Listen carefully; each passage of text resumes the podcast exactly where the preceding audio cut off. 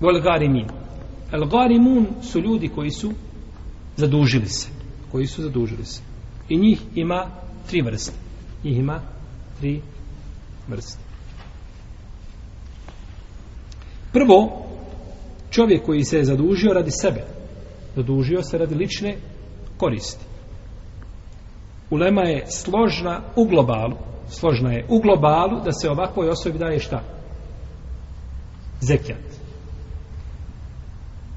No međutim, uslovljavaju ovdje nekoliko uvjeta. Prvo kažu da je musliman. Da je musliman.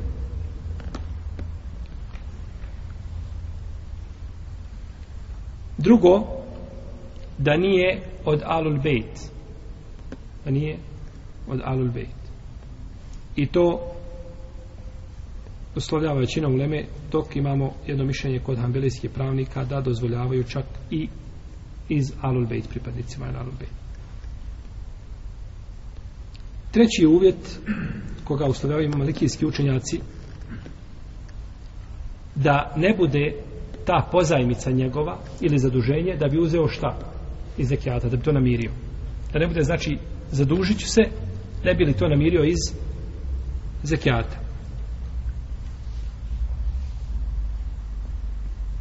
Ili da je više trošio nego što treba, pa se zadužio da bi uzeo iz zekijata. Sve je to znači pokušaj prevare. Za razliku jeli, od siromaha koji se zaduži radi potrebe. Koji se zaduži radi potrebe, kažu, to je drugi propis. On, I kažu malikijski učenjaci da je to dug zbog koga će biti uhapšen. Ha. Postoji opasnost po njemu. Da se samo takvom daje. Ovo se znači uslovi koji ispostavljaju jedni učenjaca nisu drugi.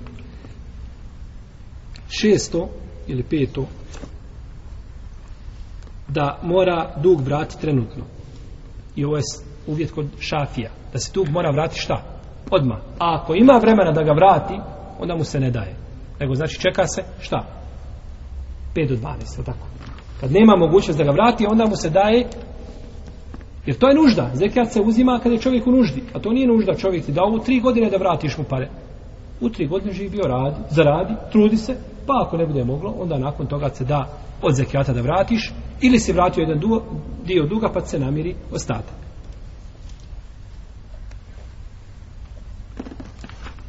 Iako oni, ovaj, po pitanju duga koji je, znači, za dalje imaju tri mišljenja, tri različita, e, tri različita pogleda.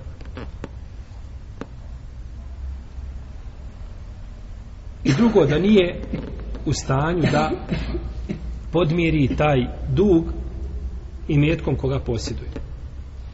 On ima nešto od imetka, pa će mu se namiriti ono što mu nedostaje. Ako ima sve, namiri sve. Ako ima kuću koja vredi 100.000 maraka, a dužan je 100.000 maraka, šta će mu raditi?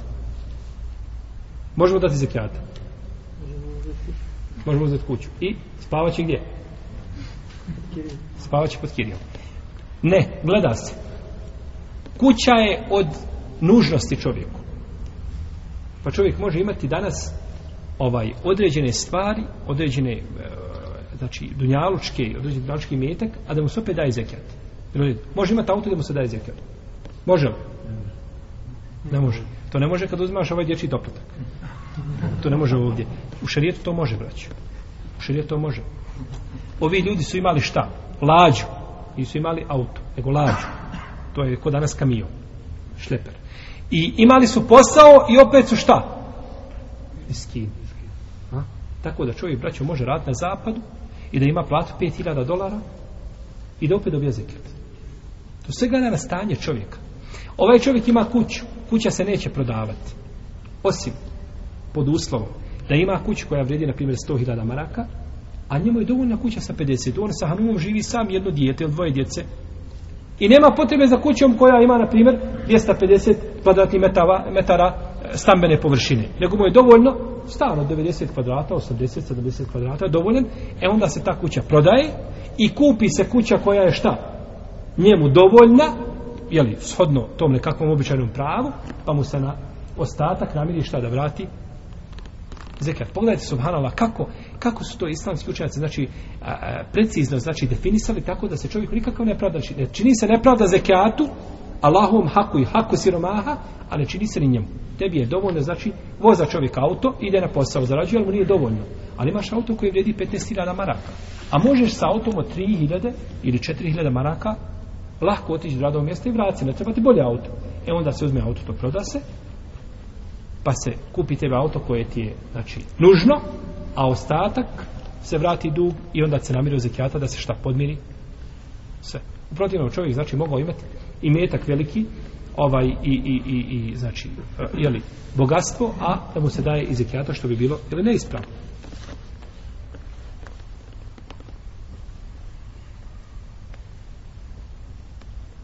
U redu.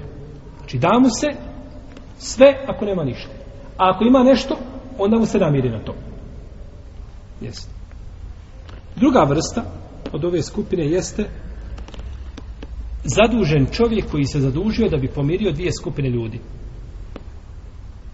I u tome je dokaz hadis Kabisa ibn Muharika, koga bilježi Buharija, koga spomenu, da je pomenuo dvije skupine, pa je poslanik sa osam rekao, sačkaj da ti dođe nešto ili sačkaj da dođe od imetka. I ovo je braćo poznato mišljenje, kako spomenu, imam, imam kurtu u svome tefsiru, od Ambelija od Šafija.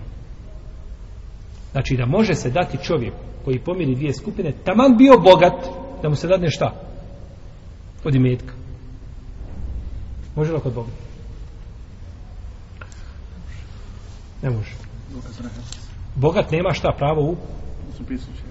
A, a gdje e, je zapisao ti pet slučajeva? Šta je, šta je, šta smo spomenuli kao treći? Treći? Koji kupio sadaku, svi imetki. A drugi? čovjek koji je prezadužen. Prezadužen. Dobro, nismo spominjali. Ja sam rekao da ću pojasniti šta je prezadužen. Prezadužen je, ovo je skupina, mi govorimo o skupini koji šta? Koji su prezaduženi? To je skupina ljudi koja da, to je došlo u, ovaj, u, jeli, u hadisu, skupina ljudi, kaže se, koja je pomirila dvije, dvije osobe. Na primjer, dva plemena se zavadilo, dva sela, oko parcele, koja košta 10.000 maraka. Čija je? da li je čovjeka iz jednog ili iz drugog. Jel? To je kod nas možda ta plemenska prisasnost je kod nas manja. To je kod u arapskom svijetu, to je veliko. Ljudi ratuju zbog, znači zbog čovjek ubije ovaj, devu čovjeka i 80 godina ratuje. Milion, milioni, hiljade i hiljade, stotine hiljada žrtava padne u ti 80 godina. Nema opraštanja. Ste vidjeli šta je bilo u Turskoj? Čuli ste dole? Za ovo ubijstvo. Jeste, molim? Na svadbi. I na svadbi. Znači, to, je, to, je, to su neriješeni, znači, oni korijeni plemenske, one pristrasnosti i ljudi su došli, znači, tu da zatru to plemeno. Nije bitno, znači, mačka ako je iz tog plemena mora biti ubijena. Ništa ne smije ostati živo. I oni su, ostalo je par njih živi, tako što su slučajno pali među mrtve. A nikako što je ne, što nego htio da ostave ni dijete, ni ženu, ni starca, ni mladića. To je taj džahilijet koga, kada, kada bi došli kod kod ovoga Ebu Džehla, on otišao i pomolio se tamo onome Latu i Uzau, rekao, Allahu sačuvaj me ovoga džahidijeta. To je džahidijet koji je danas prisutan među muslimanima. Desi se slučajno takva stvar, onda dođe čovjek i kaže, redu, ova parcela, koliko je para? 10.000 maraka. Evo vam 10.000 maraka i završite problem. Kaže, u redu, zadovoljni smo. I 10.000 maraka i riješi se problem. Takvom se čovjeku može dati iz zekijata, tamo on bio najbogatiji čovjek u gradu. I to je ispravno više, znači, kod islamski kod islamskih učenjaka. Molim? Jeste. Jeste, to je šesta skupina. Oni spomenuti svi u 59. majetu sura Teube.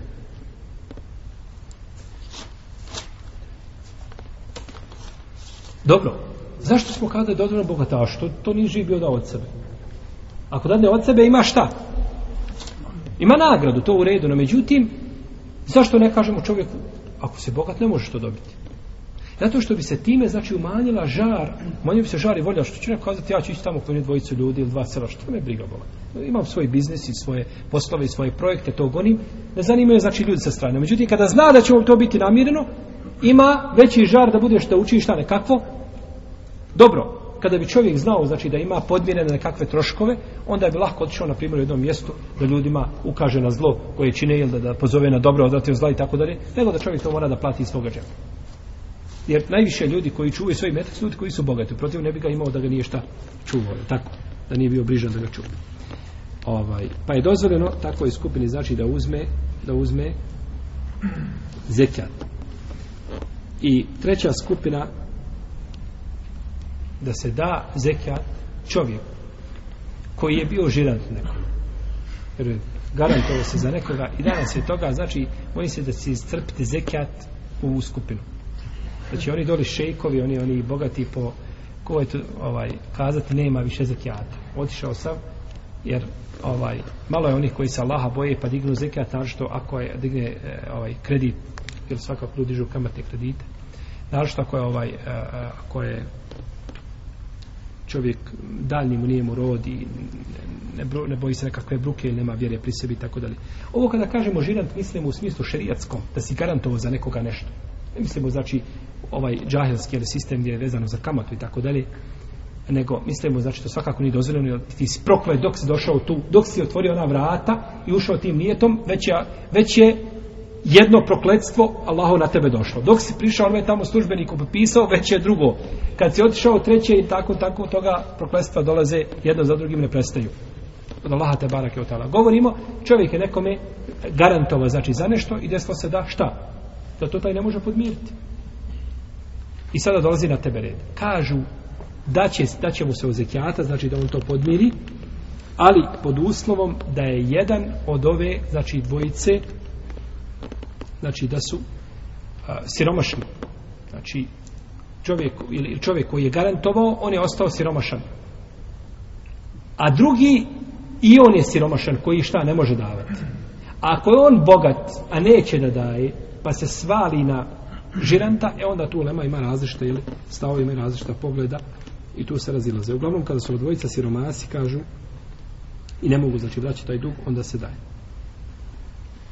A, što se tiče mrtvaca, po mišljenju džumhura u Leme, ne može se imetkom zekijata podmiriti dug čega? Čovjeka koji je preselio. Taman da u njegovom imetku nema znači ono što će podmiriti. To je obaveza njegovih nasljednika, e, muslimana, općenito kao društva i tako dalje, a neće se davati zekijata.